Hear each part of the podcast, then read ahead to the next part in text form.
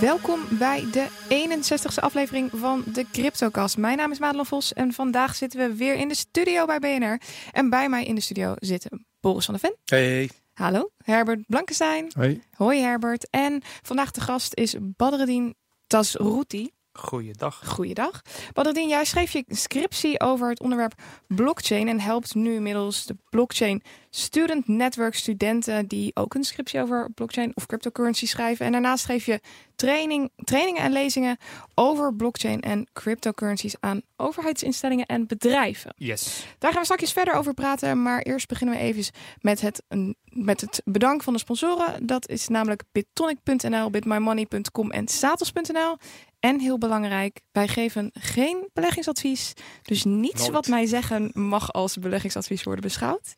En dan gaan we vandaag even beginnen met het nieuws. En Badreddin, zou jij willen aftrappen met het nieuwtje wat jij vandaag meegenomen hebt? Uh, jazeker. Uh, ik zag wel wat leuks voorbij komen. Dat uh, een Franse bank, Société, Société Générale, die heeft een security-like token. Dus in de vorm van een bond van 100 miljoen dollar op de Ethereum public blockchain uitgegeven.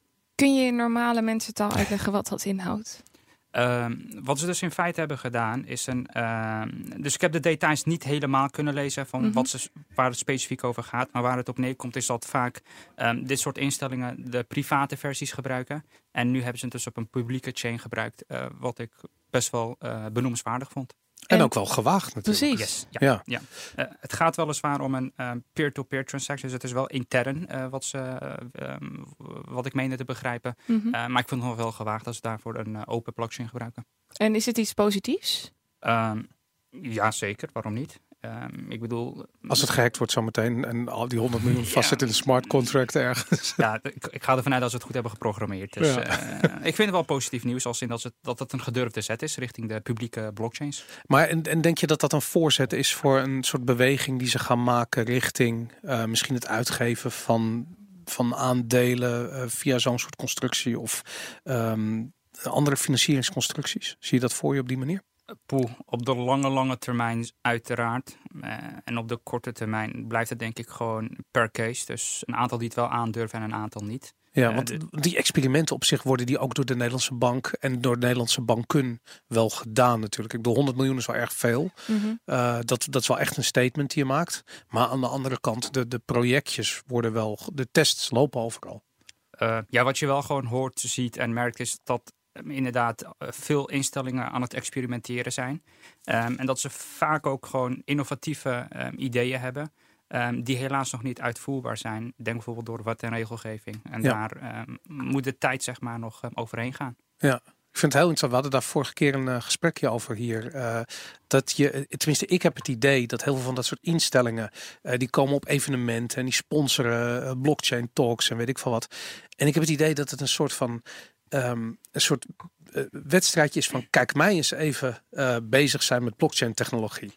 En dat er niet daadwerkelijk over oplossingen of, of problemen wordt nagedacht. Maar het gaat gewoon alleen maar van ja, dit is wat nu hip is. We moeten gewoon meedoen. We moeten gewoon laten zien dat we hiermee bezig zijn. En that's it. Denk jij echt dat dit nieuws wat dan nu hierover naar buiten komt, dat dat puur bedoeld is om te laten zien van kijk ons nou, wij zijn de eerste bank die dit op een publieke blockchain doet. Denk je dat ze dat daarom naar buiten brengen? Ja, ik denk dat daarom dat, dat bedrag van 100 miljoen, dat klinkt als PR. Want anders, Hm. ik bedoel, waarom zou je anders zo'n groot bedrag daaraan plakken? Dat hoeft helemaal niet. Als het om de techniek Ja. gaat, dan kan je dat ook wel met, uh, Een met ja, of Ja. met virtueel geld doen of whatever. Um, en 100 miljoen, dat, ik bedoel, we hebben het erover, dus het werkt. Het is PR. Dus, dat, dus ik denk dat Dat is wel dure PR. Het, Ja. ja. maar ze, ze- ze halen het er straks weer af. Ja. We doen het alsnog virtueel, whatever. Dat, Klopt. Eh, Herbert, jouw nieuws. Ehm, ik heb eh, een paar dingetjes. Eh, om te beginnen vind ik het leuk om te melden dat je nu bij Amazon kunt shoppen met Bitcoin. En dat is niet doordat Amazon opeens besloten heeft om Bitcoin te gaan accepteren. Dat doen ze namelijk niet. Eh, er is wel al heel lang de omweg dat je met Bitcoin kun je giftcards kopen. Maar er is nu iets nieuws. En het is een plugin genaamd Moon. Eh, als, je dan, als je die installeert en je gaat winkelen bij Amazon, dan kun je gewoon afrekenen eh, je bij Amazon gekochte boodschappen met Bitcoin. En Mhm. dat gaat dan via Moon en ik geloof ook via een creditcardbedrijf. Maar in ieder geval, dat komt dan uiteindelijk gewoon eh, in de vorm van dollars bij Amazon terecht. Maar je kunt met dit ding naadloos betalen met Bitcoin. heb je dat al gedaan? Ik heb het niet gedaan. Ik- Zou je het ooit doen? Eh, nee, ik zou dat niet zo makkelijk doen. Ik zou nee. het ook niet doen. Ik Nee, nee, PayPal is- werkt prima toch? Nee, ja, paper, dat vind ik een eh, hele ja. vervelende manier. Dat gebruik ik nog liever mijn creditcard. Maar dat is verder iedereen zijn eigen keus. Mhm. Ik vind dat PayPal een veel te hoge fee eh, in rekening brengt. Oh ja? Ja, want daar, Ja. daar zit het hem. Het, het zit hem Of in, in de fee 3% vaak, of toch? 6% is, maar dat is echt astronomisch. Ja? Je zit met koers, Ja. koersverschillen natuurlijk. En, en met bitcoin ehm, maakt het dat toch anders, heb ik het idee. Ik weet niet wat, wat Moon rekent voor Dat niet transactiekosten. Ja, nee, dat is, het is niet gratis, maar het is niet ten laste van de consument. Ja. Ah. Want ze halen hun eh, fee weer uit de fee van Mastercard. Oh, Oké, dus er zit wel weer een, een, Het een, gaat- groep- een derde partij tussen. Ja, dat wel, maar je merkt dat dus als consument niet. En dat vind ik natuurlijk als cons- consument wel Ja, prettig. prettig. Maar de, de vraag die Boris stelt, ga je je bitcoins daarvoor gebruiken? Nou ja, als je een hodler bent, doe je dat natuurlijk niet. Zeker niet als er ook andere betaalmethoden zijn die je kunt kiezen. Dus, maar goed, dat is iedereen zijn eigen keuze. Ja. Ik ken mensen die dat wel zouden doen. Maar ik vind het vooral leuk dat op deze manier een bedrijf dat eh, op zichzelf bitcoins niet accepteert, toch daarvoor rijp wordt gemaakt. Ja. Doordat een derde partij eh, de, die eh, bitcoin betalingen alsnog aanbiedt. Ik, Dat vind ik Nu interessant. dus serieus. Dat als, ik, ik zat eraan te denken om een bepaalde Lightning nodes te kopen. En die kan je alleen maar met Bitcoin kan je die betalen. Dit is trouwens Lightning enabled. Oh, la- oh, dat is Ja. trouwens wel Ja, een ja, ja, ja. groot voordeel. Ja. Maar eh, dus ik, ik, ik wil dat komen. Dan moet ik dus eerst moet ik dus euro's gaan omwisselen naar Bitcoin. En ik Ja. wil dat niet, want ik weet dan ga ik me weer de hele tijd echo in mijn hoofd van. Wat doet de oh, koers? dat is, wordt het duurste stuk hardware wat ik ooit in mijn leven ga kopen. Terwijl ik juist een beetje klaar was met dat, eh, dat hele gedoe. Dus ik heb zoiets. Altijd ik vind, meteen je, je saldo, je, je eh, wallet aanvullen. Hè? Dan heb je die vraag dus niet. Ja, maar, maar, daarom, maar ik was daar klaar mee, dus ik deed dat niet meer. Dus ik had echt zoiets van, ja, dan, dan moet ik weer bitcoin gaan kopen om, om dan zoiets te betekenen. Het is een extra drempel of zo, lijkt Ja, het wel. kan Maar goed, dat, eh, Nee, goed. Maar dat, dat is één. En verder wou ik jullie attent... Misschien vertel ik dingen die, die jullie al lang weten hoor. Maar dat hoeft niet voor alle luisteraars te gelden. Ik kwam op bitcoin.com een serie tegen Bitcoin History. Kennen jullie die? Heel Nee. leuk. Een aantal eh, interessante dingen uit de geschiedenis van Bitcoin. En eh, ik wou er twee echt noemen. bitcoin of bitcoin cash? Want Bitcoin. dat, want dat bitcoin.com vreemd nog is van eh, Roger Ver. Ja, news.bitcoin.com. En dit gaat over Bitcoin. Oké, En eh, eh, het zijn tien, tot nu toe geloof ik twaalf verhalen, maar het, het wordt steeds verder aangevuld. En part 3 vond ik interessant. Dat gaat over Gavin Anderson, die eh, op een gegeven moment gewoon Bitcoin is gaan weggeven. En het is een waanzinnig verhaal. Je kon dus gewoon, eh, eh, uiteindelijk is dat gehackt, maar als je netjes naar, naar eh, zijn site ging en je vulde zo'n captcha in, dan kreeg je, ik weet niet wat het was, vijf bitcoin of zo. Die waren toen eh, een paar dollar waard. ja. Uiteindelijk heeft hij 19.700 bitcoin weggegeven. Zo, dat is toch best veel. Waarvan een deel weer kwam uit donateurs die het een leuk initiatief vonden. Dat was echt in de tijd dat bitcoin niks waard was. En dat eh, het weggeven een manier was om de, het, eh, de boodschap te verspreiden. Ik kan me dat ook herinneren. Bij die evenementen vroeger was het standaard. Je kreeg, dan- je kreeg ja, dan een soort nou, van... Roger Ver Ja. heeft het ook een tijd persoonlijk ik gedaan. heb. Volgens mij kan ik me herinneren dat je zes Ethereum kreeg bij eh, ehm, eh, dat evenement van Paul Buiting toen. Ja. Dat eh eh, Ja, dat Reinvent is al heel lang geleden. Ja, het is helemaal eh, geleden, Airdrop avant la lettre. Hè? Ja, gewoon letterlijk Ja. een kaartje. En niemand wilde het ook. Mensen hadden zich ja, van mij. precies. Even, even terug naar die, die, die serie. Ja. Ik vraag, vraag me even af. Er is net een nieuwe serie online gekomen. Een documentaire is dat. Het heet De Verdwijning van 850.000 bitcoins. En het gaat over Mark Carpellis Oh, van ja. Mount Cox. Hebben Mark jullie die al gezien? Nee, nog niet. Klinkt goed. Hij staat op Videoland. En ik ga hem deze week goed. kijken. Dus ik ben heel benieuwd wat daar... eh Oké. Dan horen we dat volgende week van je. yes. Tof. En dan vertel ik nog even over eh, part 4 van diezelfde serie. Ja. En die gaat over een eh, bezoeker van het Bitcoin Forum Bitcoin Talk. Een Kasaskius. En dat is echt een waanzinnig verhaal. Die heeft dus gewoon een tijd lang heeft hij Bitcoin munten geslagen. En ja, eh, ik heb nog steeds in mijn portemonnee die Bitcoin munt die wij gekregen hebben van eh, Martijn eh Wismeijer. Ja. Eh, maar dat is gewoon een stuk koper. Met wat mooie fancy eh, eh, afbeeldingen daarop. Maar die Kasaskius heeft dus echt bitcoin munten geslagen met een private key erin onder een hologram. Ja. En Wauw. eh, dat is een, een waanzinnig verhaal. Ook dat was ook in de tijd dat bitcoin een, eh, een paar dollar waard was. Die zijn nog steeds te kopen overigens hoor. Die zijn te eh, koop, precies. En, en het leeuwendeel ervan is ook helemaal niet ingewisseld. Nee, want waarom? Omdat het zijn eh, eh, eh, bitcoin, die Geclaimd, hè? gega- ja, maar gegarandeerde bitcoins van een, ehm, eh, van een eh, miner. Dus het zijn Ja. eh, ehm, eh, Zijn hele fun- Eh, nee, het is gewoon het is een private key. Eh, Er staat gewoon een private key op een eh, dingetje gegraveerd op een muntje. Ja. En die private Ja. key zou je kunnen inwerken en dan kun je die bitcoin uitgeven. Maar die bitcoin is dus heel fungible. Met andere woorden, hij is eh, vers van de pers. Hij is niet gebruikt voor het witwassen van iets, weet ik wat, die discussie. Mhm. Ah, ja. Dus je weet, je hebt een hele pure bitcoin direct van de, van de, van Uit de miners, ja. uit de bron. Ah. En dat, eh, dat maakt het wat meer waard. En ik weet in 2017 werden die dingen eh, gewoon echt voor meer geld. Er was zo'n vraag naar bitcoin. Toen werd er meer dan de marktprijs betaald voor die coins. Maar is dit niet hartstikke illegaal? Nee, Waarom zou dat illegaal zijn? Nou, omdat je niet zomaar een, een extra munt mag maken. Als ik straks de printer aanzet en ik ga Oh. mijn eigen munt maken, dan heb ik een probleem. Ik weet niet of dat illegaal is. Dat gebeurt toch overal? Daarom, in, het is in gewoon bitcoin. Griekenland Ja, waren het is heel wat veel anders verhalen. dan op het moment dat je een loyalty program start. Maar als jij je eigen coin maar het is gewoon in de bitcoin. markt gaat het is niet een eigen coin. Het is bitcoin. Het is gewoon een Maar het is private een key. fysieke bitcoin. Het is, het is En een ding met een private mag key. eigenlijk niet. Ja, het heeft Ja, wel niks met fysiek Ja. te maken. Je kan die private key ook op een t-shirt printen en een t-shirt voor eh 5000 euro Maar dat betekent dus dat je ook gewoon coins zou kunnen inwisselen. Fysieke coins bij de winkel op het moment dat je wil betalen. Als die winkel dat accepteert, maar daar kiest de winkel zelf voor. Als ik de winkel Moeten was, zou ik niet coin accepteren, maar bitcoin transactie Hm. accepteren. Ja. Met zes Maar confirmations. over, over deze coins. eh, er zijn dus eh, coins gemaakt. Dus echte fysieke coins van één bitcoin. Maar ook van 10, 2500 en zelfs 1000 bitcoin. Wow, wat vet. En eh, even kijken hoor. hij heeft ze verkocht tot laat in 2013. En eh, ongeveer de helft van die coins, eh, even kijken, zijn, eh, zijn gebruikt. Maar 47.000 bitcoin is nog unclaimed Ja. in de vorm van deze coins. Dat is natuurlijk aan de hand met de meerderheid van alle coins, hè, van alle bitcoins. Daar is het meerderheid is, staat gewoon in een wallet ergens en niemand Ja. zit daar aan. Dus Ja. dat eh, Ja, ja. heel interessant is dat. En een groot deel is zoek en zo, dat weten we allemaal. Maar dit, ik vond het een geweldig. Dit was onverwacht. Ik kende Ja. dit niet en ik vond het echt een heel leuk verhaal. Dus kun je vinden op eh, bitcoin.com, Bitcoin History. Ik vind, wat ik heel tof ook daaraan vind, is de. ehm, kijk, iedereen kijkt naar Bitcoin nu vanuit de context van nu. Weet je, we weten wat het waard is of wat het waard zou kunnen zijn. Of weet ik veel. Weet jij wat het waard is? Op dit ogenblik? Ja? Ik weet de Ja, prijs. De prijs, ja, precies. Ja, ja, ja. Inderdaad, ja, nee, wat het waard is die discussie. Maar ehm, eh, eh, de- de- toen, die hele context was totaal anders. Weet je, Ja. dus het idee dat Wat je. is het eigenlijk? Wat moet je ermee? Wat maar gaat er het- worden? Het was een experiment. Het, Ja. was, net, het, was, het was letterlijk eh, ja, een experiment. Dus Overigens laat in 2013, eh, dat was de eerste piek, of de eerste piek, de laatste piek beter gezegd, voor eh, die van eh, 2017, dat het 1000 dollar Ja. waard werd. Mhm. ja, inderdaad, dat klopt. Ja. Maar er wordt ook wel eens gezegd van de, het risico toen in de tijd, 2012, 2013, om bijvoorbeeld 1000 euro uit te geven aan bitcoin, was vele malen groter dan vandaag de dag. Ook al Ja. krijg je minder bitcoin voor je aankoop, het risico wat erbij hoort, is Ja. ook veel lager. Absoluut. Want toen was het gewoon echt niks eigenlijk. Maar goed, oké. Ik heb een, eh, een interessant nieuwtje gevonden en dit zette mij heel erg aan het denken. Het is een, eh, een nieuwtje wat ik vond op, even kijken, ik pak hem daar gelijk even bij, op Cointelegraph. En hierin staat dat er op 26 april een bill is geaccepteerd en in, eh, in Washington.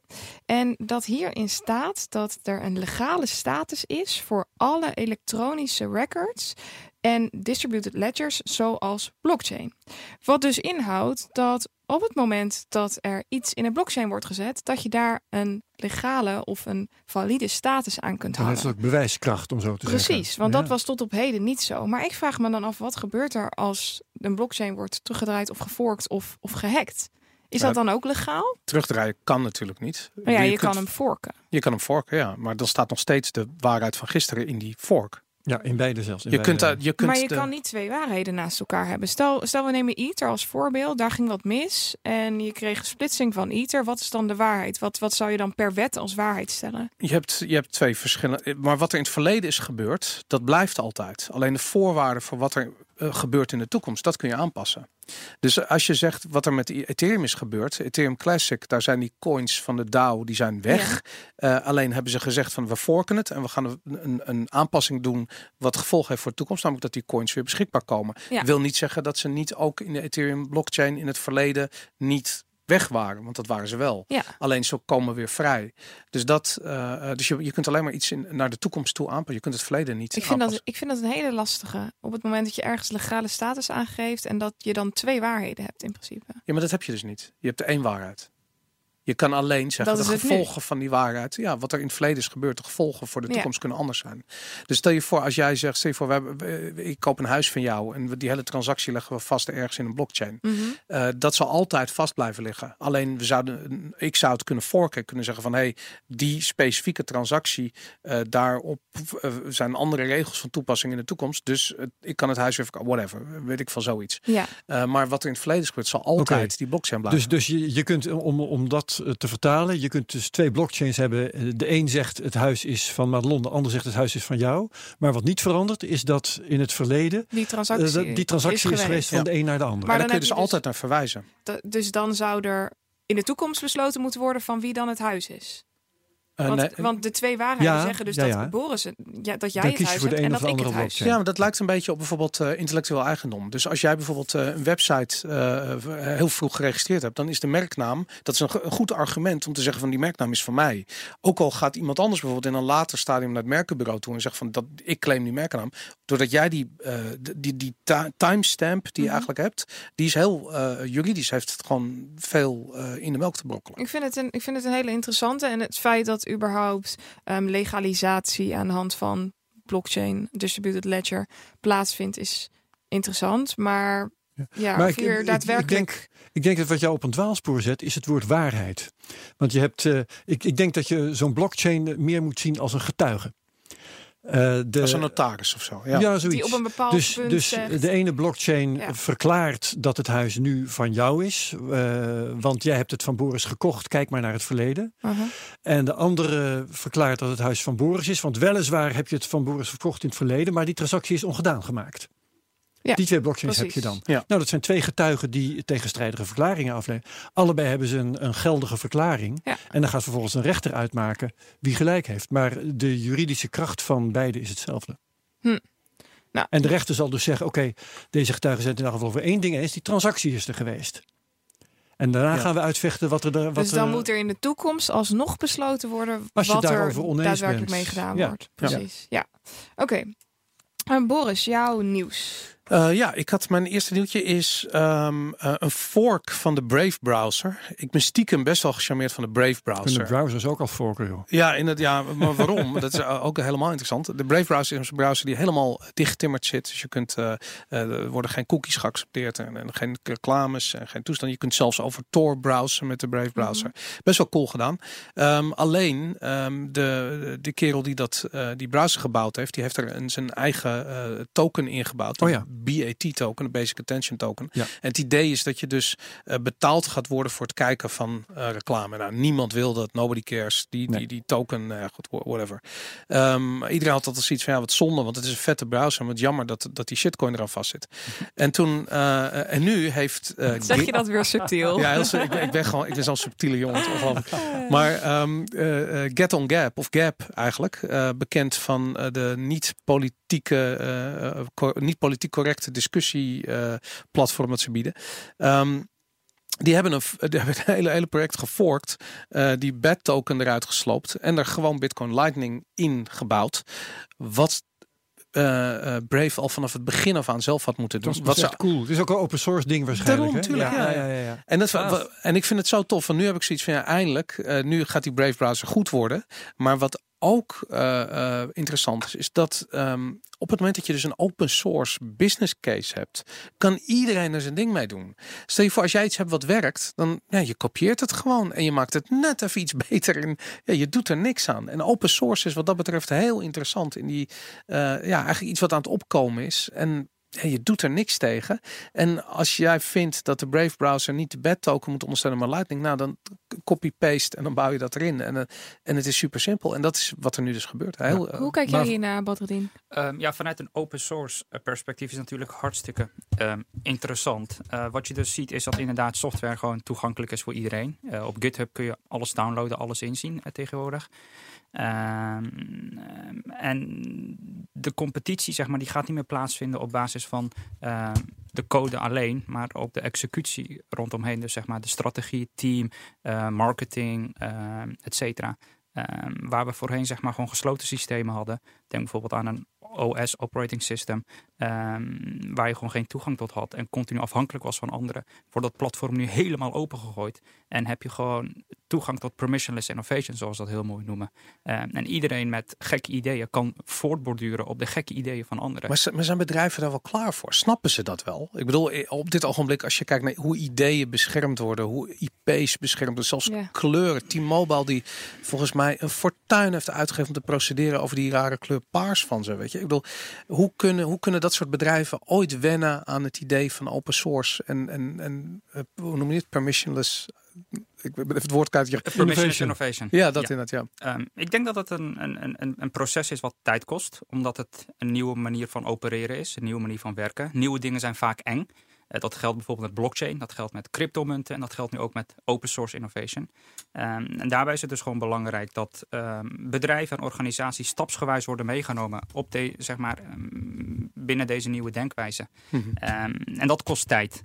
Ehm, en daarin moeten we hen ook de ruimte geven, zeg maar, om op een gecontroleerde en rustige manier mee om te gaan. Ja. Ehm, je wilt niet um, opeens binnen 24 uur, zeg maar, radicaal van alles gaan veranderen. Uh, dat werkt niet uh, voor iemand die al iets op uh, een bepaalde manier uitvoert. Wat, wat ik interessant vond, de kerel van, uh, van de Brave browser, die ging volledig uit zijn plaat op Twitter uh, toen hij geconfronteerd werd met het forken van zijn project. Ja, dat kan ik me indenken. Want hij ziet het als diefstal. Precies. Dan had hij het niet open source moeten maken.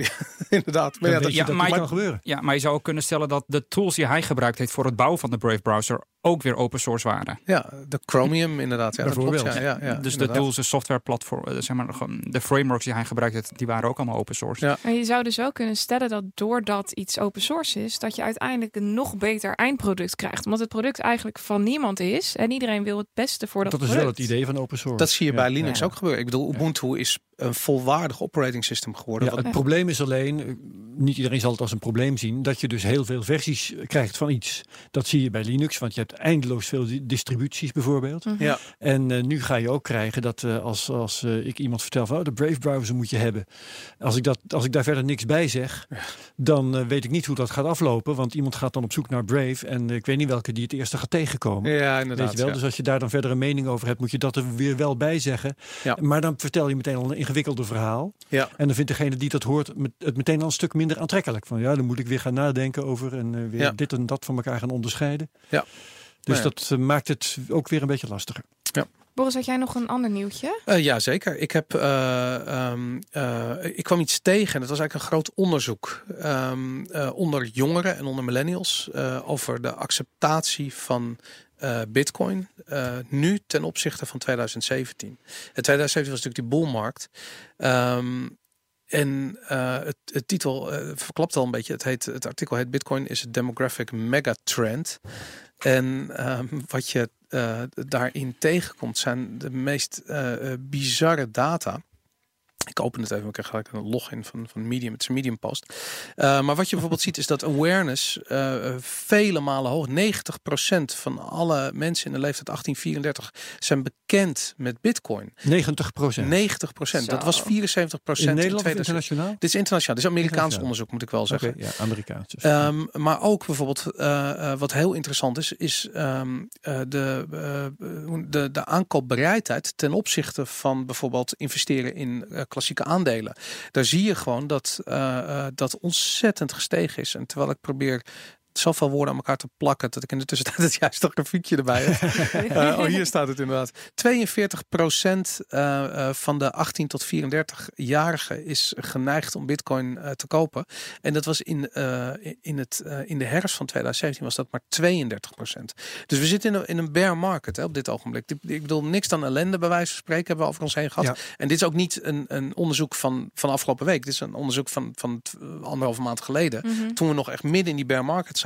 Ja. En toen, en dan nog, heeft 10% meer van 18 tot 34-jarigen is meer geneigd om, om bitcoin te kopen. Maar wat zegt dat dan, Boris? Dat mensen graag bitcoin willen kopen? Nou, dat wou ik aan Badruddin vragen eigenlijk. Omdat je ook studenten helpt ja, met, um, uh, um, met, met, met bitcoin en blockchain projecten. Yes. Hoe zie jij dit? Um, wat je dus heel erg merkt is inderdaad dat, um, ook als ik naar mijn vriendengroep kijk, uh, heel veel jongere uh, studenten, um, die hebben allemaal een interesse inderdaad, of niet allemaal, maar vele, echt gewoon een hele grote groep, uh, hebben gewoon interesse in blockchain en in cryptomunten. en de reden waarom heeft met één ding te maken. Iedereen houdt ervan om rijk te worden. Dat is echt gewoon Maar dat kan je toch ook met een aandeel Apple, Ja, bij wijze van eh, spreken? klopt. In Ehm, theorie. maar in het geval van crypto gaat het sneller. Ja, want je wil, je wil morgen rijk worden. Precies. Belofte is Precies. wel sterk. Dus dat, is, dat speelt gewoon een hele grote rol. Daarna zie je ook van dat vrienden van vrienden er rijk mee zijn geworden. Dus hey, ik wil het ook. Dus Maar je- zijn ze werkelijk rijk geworden? Ik bedoel, als je nu kijkt, eh, eh, ik, ken, ik ken heel veel dat soort mensen. De hele kroeg stond vol. Iedereen stond te traden in 2017. Iedereen is die 2.000, 3.000 euro die ze erin hebben gestoken kwijtgeraakt inmiddels. Dat is niks meer waard. Mhm. Ehm, en toch zie je dan bij zo'n onderzoek van ja, maar de, de aankoopbereidheid ligt, ligt vele malen hoger. Denk je dat ze dan misschien wel geëvalueerd zijn in hun kennis over Bitcoin misschien? Vooral dat laatste. Dus ehm, eh, ondanks dat ze zeg maar, geld zijn verloren, eh, blijven ze nog wel gewoon in aanraking met de technologie. En dan komt dat ko- dan? Ehm, omdat het interessant is. Ze denken van, hey, something is happening here. I, I better pay attention. En dan komt er een onderzoeksopdracht of een scriptie of een, of een paper die ze moeten schrijven. En dan is het meteen, hey, dat, heb, daar heb ik, ehm, dat lijkt me interessant. Ja. Blockchain, cryptomunten. En zeker als je student bent, dan Mhm. ben je toch in staat om de historie even langs te lopen en te zien dat er een bepaalde ehm, eh, periodiciteit in is Yes, en dat, ja. dat het wel weer eh, omhoog gaat vroeger. Yes, en omdat het ook digitaal is, ehm, is het, staat het ook dichter bij hen dan bijvoorbeeld iemand die 40, 50 of 60 is. Ehm, Ja. Dus dat speelt ook Maar een hele grote even rol. terug, want die iemand die 40, 50 of 60 is, die moet wel deze studenten doseren over dit onderwerp. Mm, Op het moment dat er een scriptie eh, wordt gedaan, Dat dan, toch? Dan, heb je, dan heb je vaak iemand die vanuit eh hogeraf, iemand die, die eh, voor de klas staat, Ja. die dan gaat zeggen, nou, dit is, moet je onderzoeksopdracht zijn, het moet zo breed zijn en dergelijke. Jij ondersteunt daarbij. Nee, klopt. Want eh, dat is zeg maar ook meteen een mooie overstap naar het blockchain studentennetwerk. eh, wat ik samen met Sergio, Vito en Mark doe. We zagen gewoon dat heel veel studenten last hadden om begeleid te worden vanuit hun universiteit of hogeschool. Omdat de docenten niet zozeer, ehm, ehm, hen niet zozeer konden helpen met een research question, met een onderzoekscontext. Eh, met het formuleren van de juiste vragen, met het vinden van data, met het vinden van interviewkandidaten. En dan raak je, kom je al gauw in contact met ex-studenten die hun scriptie succesvol hebben afgerond. En wij brengen die twee partijen bij elkaar. Dus huidige scriptanten met oud-scriptanten, die brengen wij bij elkaar op ons platform en die helpen elkaar verder om een scriptie uiteindelijk of een onderzoekspaper succesvol te voltooien. Ja, maar Dus- vanuit de universiteit zelf is eigenlijk is het gewoon een soort doodse stilte als het om het onderwerp gaat. Je ziet nu wel dat een aantal hogescholen en universiteiten hier aandacht aan eh, besteden. Door middel van minoren, van cursussen, van, van, van workshops, et cetera. Maar het is nog steeds gewoon een nieuwe technologie. Dus voor deze docenten is het ook nog heel erg zoeken van welke kant gaan we nou op. Kiezen we nou bijvoorbeeld de publieke blockchains of gaan we naar de private blockchains? Ja. Dus wat je ook heel erg merkt, is dat elke docent of elke onderwijzer eh, een bepaald beeld heeft en op basis daarvan zijn vak eigenlijk gaat vormgeven. Ik ben docenten tegengekomen die heel erg pro crypto en pro-blockchain zijn. En een aantal die bijvoorbeeld alleen maar pro-private blockchain zijn. En je hebt ook een aantal gematigden die ertussen zitten.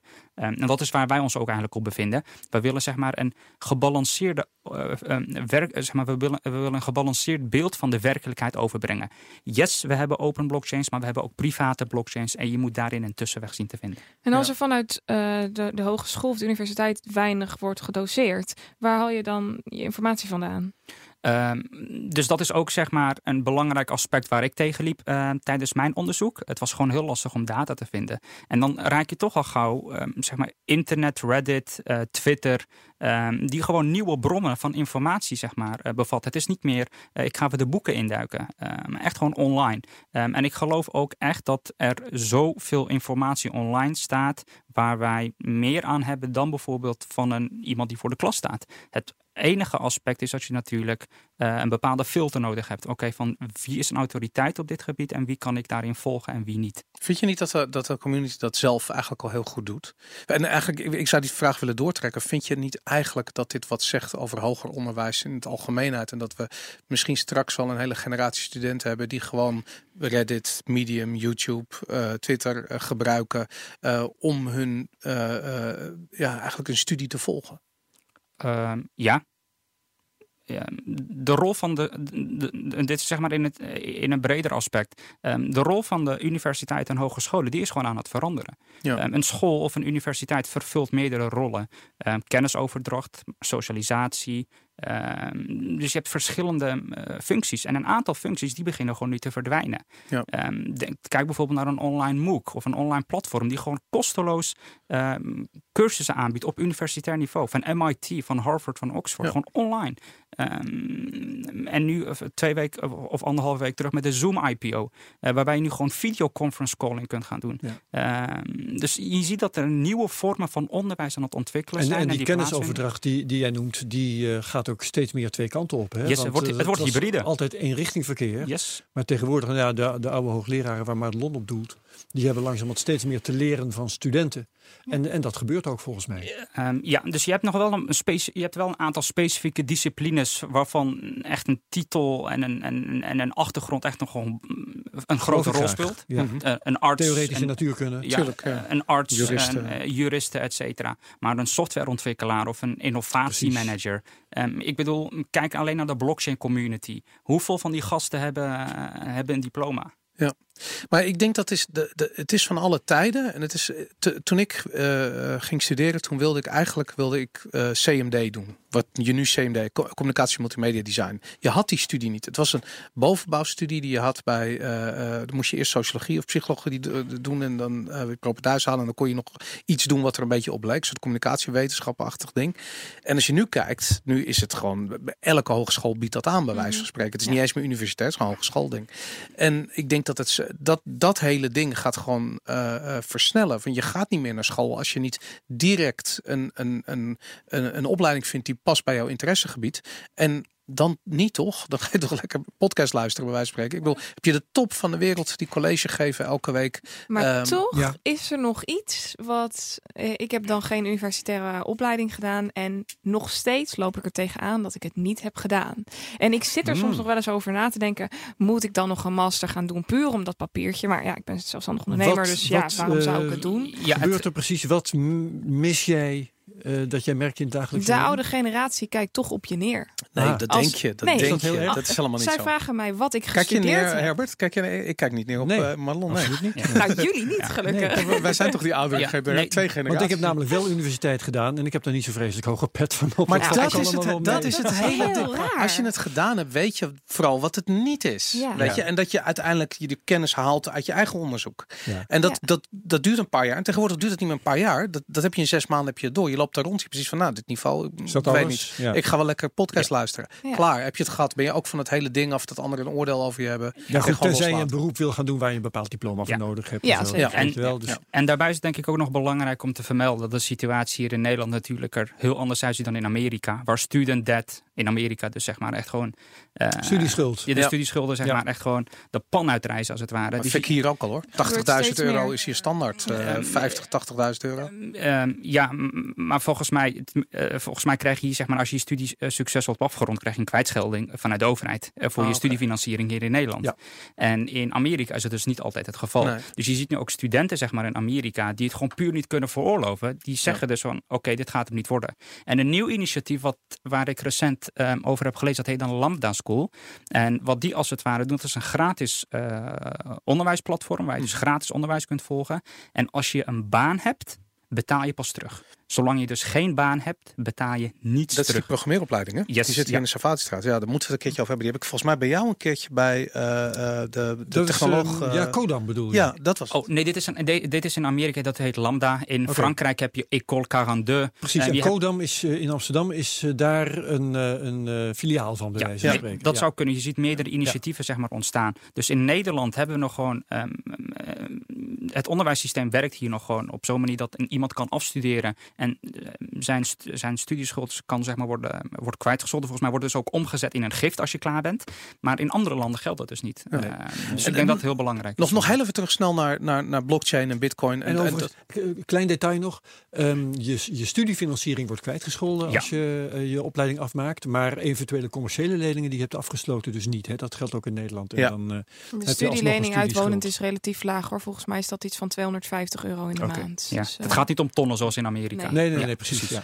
En nog even, stel je voor, je wil werkzaam in deze industrie. Je wil hier ingaan, weet je. En ik kan me voorstellen, je kunt daar ingaan als eh, eh, programmeur. Je kunt er ingaan als eh, speculant, eh, trading, dat soort dingen. Je kunt er ingaan als econoom eh, voor, de, voor, de, voor, de, voor de monetaire eigenschappen. Ik heb het eigenlijk meer over bitcoin dan over iets anders. Maar ehm, Nee, toch? Oh ja, joh. dus eh, ik bedoel, alle drie die onderwerpen, daarbij heb ik zoiets van, wat ga je nou eigenlijk leren op een school? Kijk, dat je de basisbeginselen van het programmeren leert op school, prima. Dat kan tegenwoordig op de lagere school. Maar vervolgens de libraries, de, de, de, de, de, hoe, eh, ehm, hoe, hoe blockchain werkt, hoe, uh, er vliegt hier even van alles van tafel. Ehm, dat soort dingen, daar heb van heb ik dat ga je online ga je dat leren. En anders wel van mensen die online cursussen aanbieden. Of daar, die kennis is gewoon niet aanwezig op dit ogenblik bij veel hogescholen en universiteiten. Uh, misschien zijn er mensen die de kennis hebben die daar rondlopen. Dat zou kunnen. Maar je wilt to the point. Je wil dat gaan. Nou, hetzelfde heb ik met traden. Ik bedoel, als jij een, een hele, um, uh, zo die, die mindset waar je, wat je hebt, jongeren tegenwoordig willen morgen rijk worden en niet volgende week bij wijze van spreken. Ze gaan niet geen aandelen Apple kopen, maar ze willen nu een of andere coin die 100 uh, of die, die een keer twee over de kop gaat bij wijze spreken. Um, je gaat met een andere manier ga je dat werk. Ik bedoel, Madelon, misschien heb je het van met me eens dat je eigenlijk dat het beste jezelf kunt aanleren, um, omdat je dan ook het beste je, je eigen werkmethodes kunt aanleren. Ik die kijk passen juist bij. niet naar de korte termijn als je daarop doet. Nee, het gaat me er meer om dat je dat dus zelf voor jezelf Ja. moet uitzoeken hoe dat past bij je Wat- eigen psychologische precies. proces van ja, absoluut. nou, en dat heb ik met de economie exact hetzelfde. Als je in Nederland economie studeert, dan krijg je Keynesiaanse uh, um, uh, voorgeschotelde eenheidsworst. Uh, terwijl ik juist zie bij de bitcoiners bijvoorbeeld dat die, het Oostenrijkse gedachtegoed hoog tij viert. En iedereen geïnteresseerd is van in, in teksten van Mises en Hayek. En, en juist die kant op wil. En ik, ik zie gewoon, vooral in bitcoin, zie ik een gigantische splitsing tussen wat uh, reguliere hoger onderwijs aanbiedt en wat voor kennis noodzakelijk is om ook maar iets voor elkaar te krijgen in de industrie. Het met me eens? dat was een monoloog. Vraag, ja. Oké, okay, nee, dat was het. Laat maar. Ik wil eigenlijk heel graag eventjes terug naar um, blockchain. En ik zie Boris zijn gezicht nu al bijna nee, verzakken. Oh, het valt mee. Uh, even terug naar blockchain. Want jij geeft natuurlijk uh, lezingen over blockchain en crypto's. En heel vaak als we hier een gast hebben die over blockchain komt praten, dan mis ik de essentie van blockchain. Ik mis de basis waar we over praten. En ik dwaal dan gelijk af, merk ik aan mezelf. En ik wil eigenlijk heel graag terug naar het doel van blockchain, het, het, het, ontstaan van blockchain met de komst van Bitcoin en het doel waarvoor je blockchain kunt inzetten. En of het in vredesnaam nodig is dat we daar met z'n allen mee bezig zijn geweest of nog steeds mee bezig zijn. Wat zie jij als, als, als doel? Um, goeie vraag. Uh, dus uh, uh, antwoord op je eerste vraag rondom blockchain. Je kunt dat inderdaad op verschillende manieren zeg maar, aanvliegen. Uh, voor de een is het zeg maar, vanuit een techniek, voor de ander is het vanuit een innovatieperspectief, voor de ander is het vanuit speculeren. En iedereen is er vrij om te doen hoe hij of zij dat wilt. Ik bedoel, daar kan ik geen oordeel over vellen. Maar in essentie, wat je zou kunnen stellen, is dat blockchains ons dus in staat stellen om Um, om, om, om waarde over te brengen van A naar B tussen twee partijen die elkaar nog nooit ontmoet hebben en die elkaar niet kennen. Um, en dat is vanuit een onderzoeksperspectief best wel uh, bijzonder, omdat dit zeg maar een vraagstuk is geweest in de computer science, uh, dus in de informatica wetenschappen, de mm -hmm. Byzantine Generals Problem uh, van Lamport van de University of Berkeley. Dus dat is best wel geweldig dat blockchain daar een antwoord op biedt. Niet zozeer een antwoord dat het 100% veilig is, maar dat het wel zeg maar in zo'n hoge mate uh, dichtbij uh, komt dat we bijna zeker kunnen stellen van hé, hey, het is oké. Okay. Dus het is een probabilistic solution. Dus een het hoge gaat daarbij om, een, om vertrouwen. Yes, een, een, een hoge waarschijnlijkheidsvariabele. Um, die mensen dus zeg maar in staat stellen om te communiceren met elkaar en vooral om waarde over te brengen van A naar B. Um, maar dat is niet per se een blockchain ding, dat is een proof of work ding. Mm, dat, dat is de Byzantijnse generaalprobleem werd opgelost door proof of work. Yes, en dus ik, ik refereerde ook specifiek terug naar Bitcoin, waar Madelon zeg maar op um, um, mee, uh, mee begon uh, tijdens, mm -hmm. haar, uh, tijdens, haar uh, tijdens haar vraag. Dus inderdaad zeg maar de proof of work. En je ziet nu inderdaad zeg maar nieuwe vormen van blockchains ontstaan die meer kunnen, minder kunnen. Distributed en ledger bijvoorbeeld. Yes, bijvoorbeeld. Um, die bijvoorbeeld in een bepaalde ecosysteem wel kunnen opereren. Bijvoorbeeld een private blockchain, waar een publieke blockchain vandaag de dag nog niet kan werken, maar hopelijk in de toekomst wel zal gaan werken. Mm -hmm. Dus je ziet daar gewoon een aantal ontwikkelingen in die, uh, die verschillen. Als, even heel kort door de bocht. Hè. We doen deze podcast nu denk ik uh, een jaar en een paar maanden, anderhalf jaar weet ik van zoiets. En uh, we hebben heel vaak dat gesprek gehad van hoe zijn die zakelijke toepassingen van blockchain. Dat is ja. heel vaak ter sprake gekomen. En in het begin had ik heel erg zoiets van, ik was heel enthousiast over hoe bedrijven aan de slag gingen met, met het onderzoek. En op een gegeven moment realiseerde ik me gewoon van, eigenlijk, als ik heel ongenuanceerd ben, is het allemaal onzin. Het is Om, niet nodig. Nou, het is, het is omdat Bitcoin gelabeld werd als iets wat terroristen en drugsgebruik en kinderporno, bladibladibla, weet je, al die clichés, het werd gewoon zwart gemaakt. Uh, en daardoor moest iedereen wel die technologie gaan omarmen, maar niet het Bitcoin noemen. En toen kreeg je die rare schizofrene situatie, die we eigenlijk ook, dat zie je ook bijvoorbeeld bij als je een Nederlandse bank spreekt of andere banken spreekt. Het is allemaal DLT en blockchain, maar dat Bitcoin-woord mag niet vallen, bij wijze van spreken. Maar uiteindelijk aan het eind van de rit. Um, uh, en ik vond dat Andreas Antonopoulos, ik heb dat al eens eerder gezegd hier volgens mij in de podcast, uh, die, die vatte dat samen. Van je hebt een afweging tussen veiligheid en efficiëntie. En als je de meest efficiënte oplossing kiest, dan kom je uit bij een gecentraliseerd database systeem wat gewoon super snel draait op een laptop. Je hebt geen proof of work nodig. Uh, het is super cool, maar het is niet veilig. Wil je de meest veilige oplossing? Dan heb je Bitcoin en dan heb je een, een moloch van een blockchain en, en proof of work consensusmechanismen die energie vreten. En het is uiteindelijk, die hele wereld, die gaat één van die twee kanten op. Dus of efficiëntie. En dan ga je dus naar een, centraal database systeem. Nou, dat alle IT-bedrijven doen dat, bieden dat aan bij spreken. Of het gaat naar Bitcoin toe. En er zit eigenlijk niks tussenin. Hoe zie jij dat?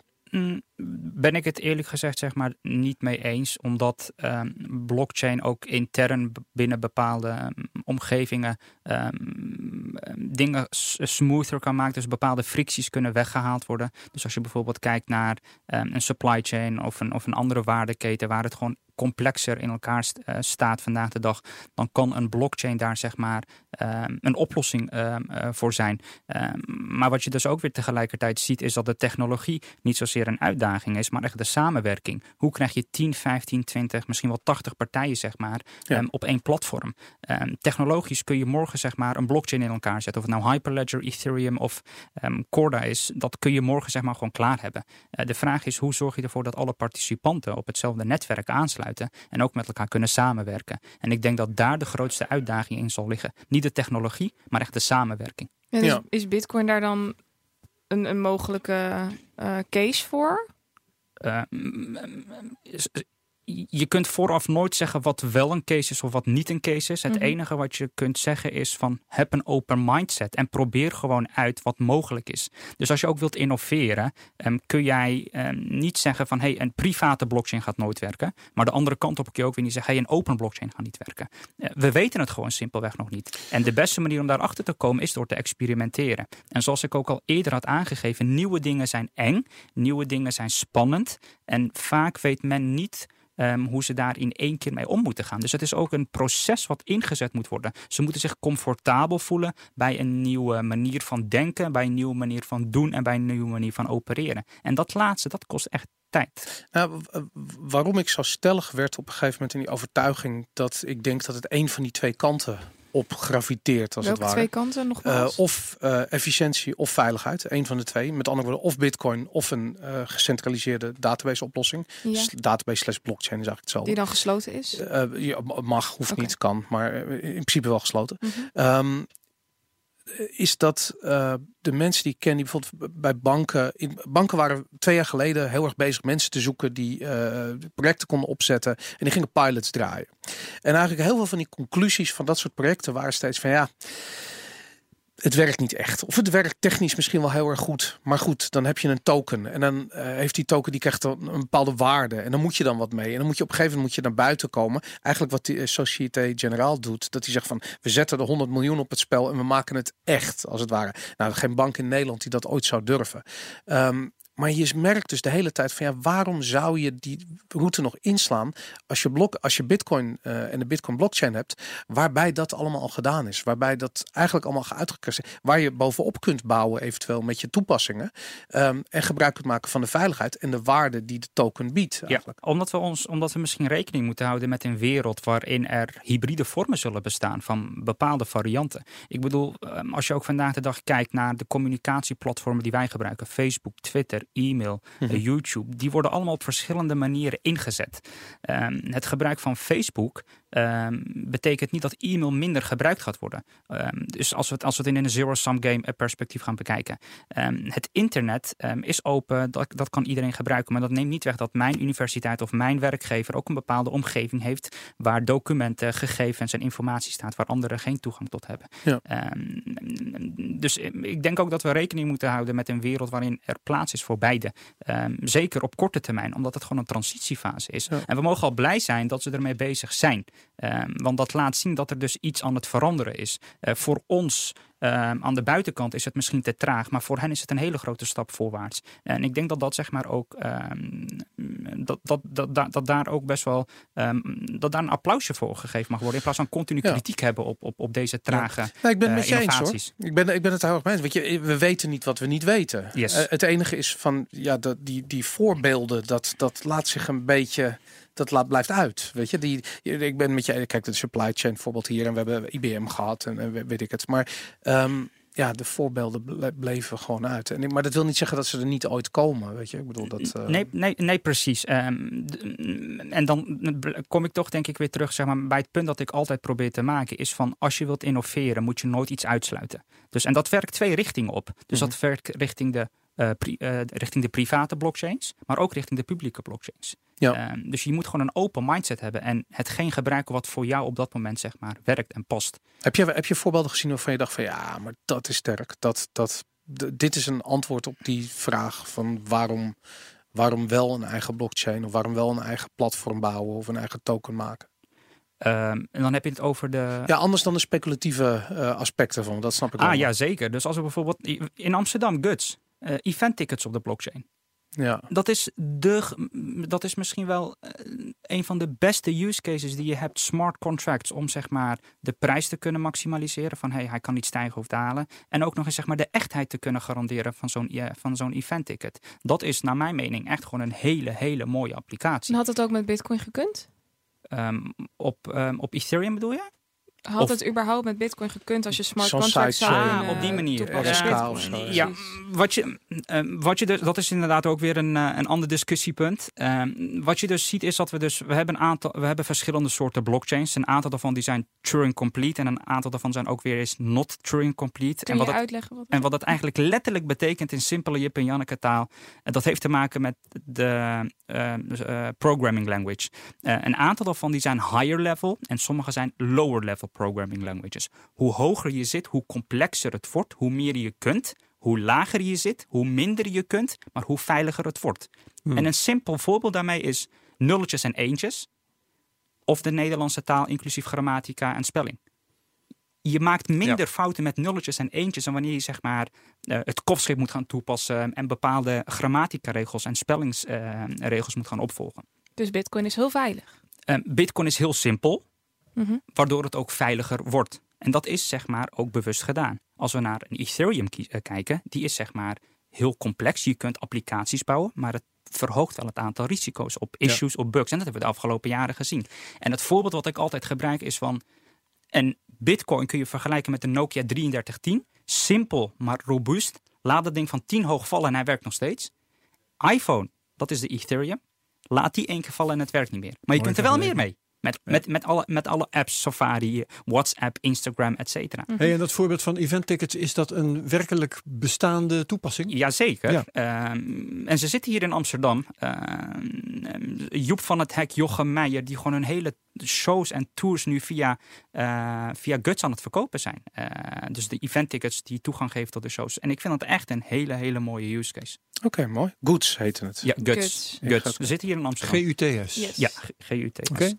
Um, dus dat is zeg maar, als we het over Bitcoin versus Ethereum hebben, van mm, met die smart contract had het met Bitcoin gekund. Je wilt het misschien niet eens met Bitcoin uh, uitvoeren. Omdat smart Bitcoin contract. daardoor wellicht juist Ja, precies. Vatbaarder kan ja, zijn. voor En misschien te duur of misschien te... Ja, Ja, dus je zou sidechains kunnen Ja. doen. Dat RSK wil nu die kant op gaan eigenlijk. Ja, Ja, maar dat ja. is niet helemaal uitgepakt zoals dat. Nee, klopt. Ja. En terecht. Dus en, en ja. het tweede aspect wat je dus nu ook merkt is dus zeg maar, dan heb je dus de discussie versus bijvoorbeeld um, non-plat- non-smart contract platforms en platform contracts. Dan krijg je een hele discussie van ja, maar um, hoe, hoe zit het daarmee, et cetera. Dus als je heel specifiek naar Ethereum kijkt als het ware. Het doel van Ethereum is niet om waardeoverdracht mogelijk te maken. Hmm. de unit of computation, Ether, wordt gebruikt om gas te betalen, zodat jij een smart contract kunt laten draaien. Mhm. Net zoals een kermismunt jou toegang geeft tot een bepaalde attractie. Dat is het doel van Ether. Maar op het moment dat ik de kermismunten en wij aan tafel gaan gebruiken voor onze brood bij de Albert Heijn, kunnen wij de attractie niet meer gebruiken. Want het krijgt een Ja. heel ander doel. Dus het gebruik van Ether als betaalmiddel of als mm, voor waardeoverdracht of hoe je het maar wilt noemen, dat maakt het platform soort van kapot. Want het gaat er tegenin. Ja. Je wilt dat die munten, Ether namelijk, beschikbaar blijven. beschikbaar blijven Maar voor is het dat, draaien. gaat dat niet altijd optreden? Ook bij VeChain of wat voor platform je ook gebruikt. Uiteindelijk, als het veel gebruikt wordt, populair gaat de prijs omhoog van de tokens. En dan kun je niet meer de tokens gebruiken voor de utility, maar wordt het een speculatieobject. Ehm, ja, en ehm, dus, dus dan, dan, dan zal de supply moeten toenemen. Waardoor het zeg maar minder interessant wordt om te gebruiken als ehm, waardeoverdracht, maar wel voor de dat- unit of computation. Maar dat, dat, dat, dat- daar word ik enthousiast van. Want ik vind namelijk het probleem wat heel veel van dat soort eh, ehm, eh, projecten hebben, is ze zijn zo afhankelijk van die speculatie. Voor hun PR en voor eh, goed, iedereen moet er in, geld in zetten, want iedereen wil morgen rijk worden. Terwijl dat gaat precies tegen die utility in eigenlijk. Yes. En als, er, als er een eh, coin zou zijn die gewoon zou zeggen van nou, we hebben gewoon een unlimited inflatie. Eh, elk jaar komen er eh 100 miljoen bij. Ik weet het, maakt niet uit. Die Als dat- zijn er, Boris. Ik zal ze niet be- benoemen, Oké. maar, maar ze zijn er. Nou, de- de- We houden het geheim.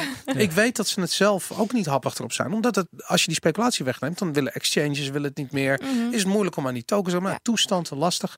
Eh, terwijl de utility ervan, eh, zie je, daarom zie je dit ook bij private blockchains veel meer. Omdat daar die waarde er helemaal niet toe doet. Het is alleen wat, wat voor informatie vertegenwoordigt die token.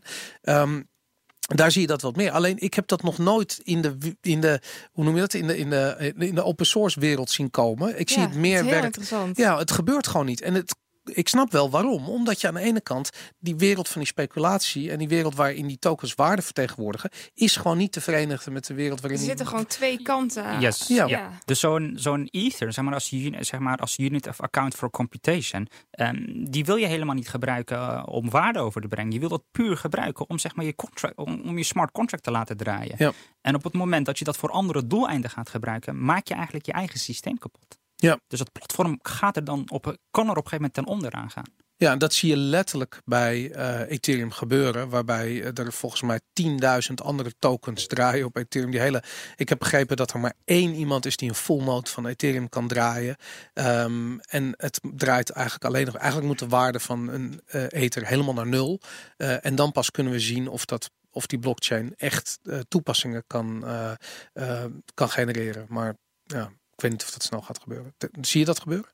Eh, dat de waarde zeg maar naar nul gaat? Ja, dat Ethereum bij wijze van spreken een euro waard is. Zou het dan nog interessant zijn überhaupt om die toepassingen dan... technisch? Ja, Voor de utility wel. Eh, Ja. Want het is gewoon de unit of account for computation. Dus dat blijft ten alle tijden gewoon Maar het is dus niet zo dat hetgeen waar Ether voor staat, dus het, het contact maken met andere eh, platformen, om het zo maar te zeggen, dat dat direct gekoppeld is aan de prijs die daaraan vasthangt. Dus de, waarde van nee, wel de, de mine, los. mining doet dat. Dus mining zorgt voor veiligheid. En mining moet, eh, eh, die token moet waarde hebben omdat mining de energiekosten laten dragen. Ja. En dat is waarom Ethereum naar proof of stake toe wil. Ze willen weg van het minen. Niet vanwege het energieverhaal, maar omdat het de utility van Ethereum ondermijnt. Ja. En dat is, dat is wat we nu zien gebeuren. Dus ze willen dat heel graag. Maar het probleem is, iedereen die eh, nu eh, Ethereum heeft en misschien gigantische zakken vol heeft, die gaat over zijn nek als ze die, die waarde in elkaar zien klappen. Yes. Maar het gaat zomaar gebeuren. En- Sterker nog, Vitalik heeft al 40, 50 miljoen dollar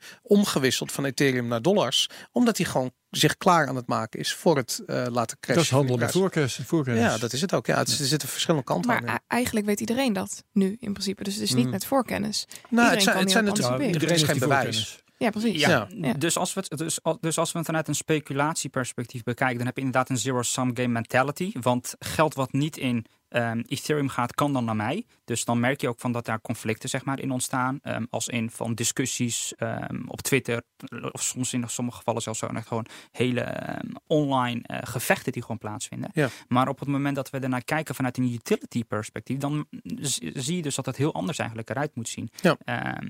Dus ik hoop ook dat we dus minder met het speculatie, zeg maar, dat we dat speculatie gaan loslaten en richting utility toe gaan. Want uiteindelijk is dat hetgeen volgens mij wat je wilt voor een, voor, voor, voor een blockchain. Van hey, we willen het gebruiken voor de smart contracts. Ja, Helemaal mee eens. Het wordt echt tijd dat we die 2017 uh, krankzinnigheid loslaten.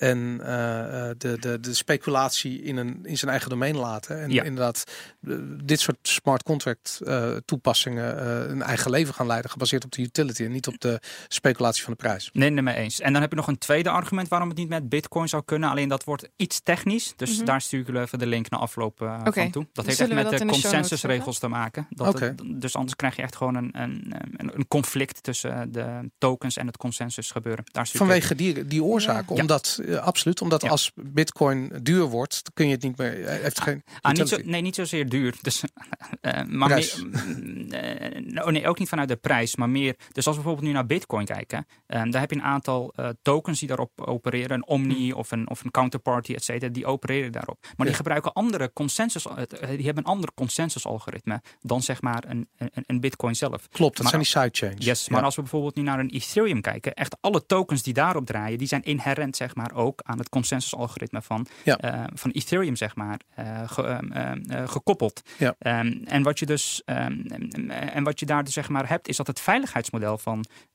van, van, van deze tokens. Je krijgt dus een boundary violation, omdat jij voor het consensus-algoritme een andere token gebruikt dan zeg maar voor jouw eigen voor jouw eigen validatie. En dat laat dus ook weer zien waarom het zeg maar waarom Vitalik toen der tijd zeg maar eh, niet op Bitcoin heeft voortgeborduurd, maar echt vanaf A eh, iets opnieuws heeft eh, opgezet. Duidelijk. Het klinkt eigenlijk wel alsof de toekomst van Ethereum er veel spannender uit gaat zien dan de toekomst van Bitcoin. Nee, Bitcoin is bezig met het omverwerpen van een, van een systeem gebaseerd op rente en inflatie. Terwijl Ethereum bezig is Dus met het democratische open source maken van, van technologische ontwikkeling. Ik las deze week een tweet en ehm, diegene die zei: alles wat niet Bitcoin is, is een shitcoin. Ja, maar de- ik ben het daarmee eens. Eh, eh, Maar eh, Terwijl ik nu denk, Ether heeft nog heel veel ontwikkeling nodig, maar er moet toch wel iets zijn wat strakjes mogelijk maakt dat je alsnog connectie kan maken met verschillende ehm, business cases, om het zo maar, Maar te ik, je- zeggen. er zijn, Als het niet laat ik zeggen, ik, ik, ik ben altijd overtuigd van er zijn vier waardeaspecten aan Bitcoin. Je hebt, je hebt de techniek, je hebt de speculatie, je hebt de monetaire economische eigenschappen en uiteindelijk op een dag misschien politieke eigenschappen. Die vier dingen, dat zijn verschillende discussieonderwerpen. Dus als je het alleen maar over techniek hebt, dan is tussen Bitcoin en Ethereum, ja, dat kan alle kanten op gaan. Maar dat gaat om de utility van wat wil je bouwen. En dan eh, eh, snap ik helemaal wat jij zegt bijvoorbeeld, dat je, je, je kijkt, je, je zoekt het platform wat je nodig hebt bij je, bij je toepassing. Ja. Maar als je het hebt over die monetaire-economische aspecten, ja, dan moet je Ether dan niet heb, je al, dan heb je alleen maar Bitcoin. De rest Ja. is in licht van die monetaire economische eigenschappen is, is een shitcoin. Maar, maar dan niet- zou je Ether dus niet moeten zien als coin. Dat is dus eigenlijk wat je Maar zegt. dat is het hele ding. Dat heeft 2017 gedaan. Die heeft al die dingen op één grote hoop gegooid op de exchanges. En die Yes. is een soort, eh, eh, ja, daar een soort wedstrijd gaan beginnen van ja, maar de decret gaat 300% gisteren, weet ik wel. Dat soort, dat soort onzin. Het is echt onzin. En dat is, da- daar komt die, die shitcoin, eh, dat label vandaan. Vanwege van, maar dat is niet wat er aan de hand is. Bitcoin is verder geëvalueerd dan al die andere projecten op dat eh, economisch-monetaire vlak. En mijn definitie van een shitcoin was iets wat, wat eh, heel veel beloofde, maar wat uiteindelijk niks waar maakt en wat ook niks van waarde in zich heeft. Terwijl als ik dit nu hoor, dan denk ik dat Ether wel degelijk potentie heeft. Het is er nog niet, maar er zit wel potentie. Ja, maar in. en VeChain heeft ook potentie en Decred en, en al die pla- al die smart contract Ja, maar dan gooi je hebben alles potentie. weer op één Ja, hoop. nee, eh, nee, zeg maar, wat ik altijd zeg is van, dit is geen zero-sum game. Ja, misschien vanuit een investeringsperspectief is het een zero-sum game, heel volledig mee eens. Maar vanuit een utility pers- perspectief ziet het, ziet het er denk ik echt anders uit. We gebruiken Facebook voor bepaalde dingen waar we e-mail niet voor gebruiken, maar waar we Twitter ook weer niet voor gebruiken. Mhm. Mark Zuckerberg die maakt zich geen zorgen zeg maar, om Gmail. Ja. Want die weet dat zijn toepassing voor andere doeleinden gebruikt wordt. En dat geldt ook voor YouTube, dat geldt echt voor alle applicaties. En dat zal ook, denk ik, gaan gelden zeg maar, voor Maar een... de basis daarin is wel. ehm, Utility.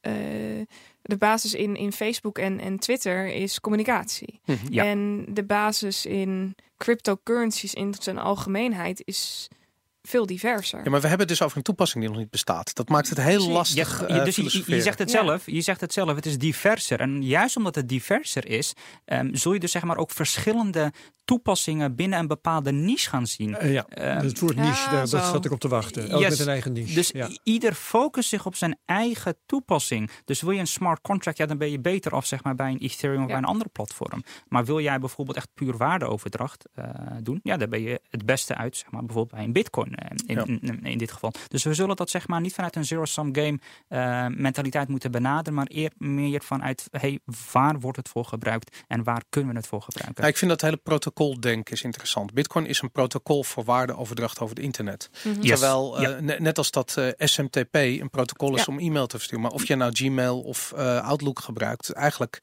eh, ehm, ja, doe je het hetzelfde. Heeft misschien hier en daar wat andere toepassingen. Mhm. Maar d- dat is minder interessant. Het Er gaat, om gaat iets van protocol. A naar B. Er is Ja. maar één protocol uiteindelijk. Ja. En Bitcoin gaat dat waardeoverdrachtprotocol via internet zijn. En misschien is er wel een ander smart contract platform wat een Ja. protocol gaat Maar het zou dus zijn dat, dat, dat het smart contract platform heel erg succesvol is, terwijl de prijs van dat Ja, maar de succes is ook weer zo'n rare term. Iedereen zal er iets anders bij verstaan. Is het financieel succesvol? Is het technisch succesvol? Ja. Is het...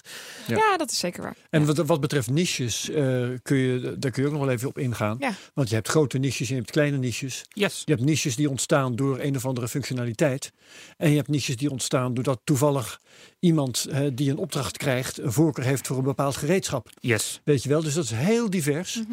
En dat betekent dus ook dat er eh, om die niches te vullen een x aantal partijen overblijven. Want sommige belangrijk zullen zijn en veel bestaansrecht hebben en andere niet zo belangrijk zijn. Ja. En nog net kunnen bestaan, eh, terwijl het niet eens noodzakelijk zou zijn voor een goed werkende wereld. Ja, en, het, ehm, en hetgeen zeg maar, wat ik daar nog aan wil toevoegen is dat we dat, en, eh, terwijl iedereen zijn eigen niche aan het uitvogelen is, of het nou zeg maar een publieke blockchain is of een private blockchain, of het nou Bitcoin, Ethereum of Hyperledger of Corda is, ga wel met respect met elkaar om. Het, Ja. Aan het einde van de streep zul je vanzelf zien wat werkt en wat niet werkt. Tuurlijk. Ik ga jou niet overtuigen van mijn gelijk. Dat zal de werkelijkheid wel doen, de realiteit.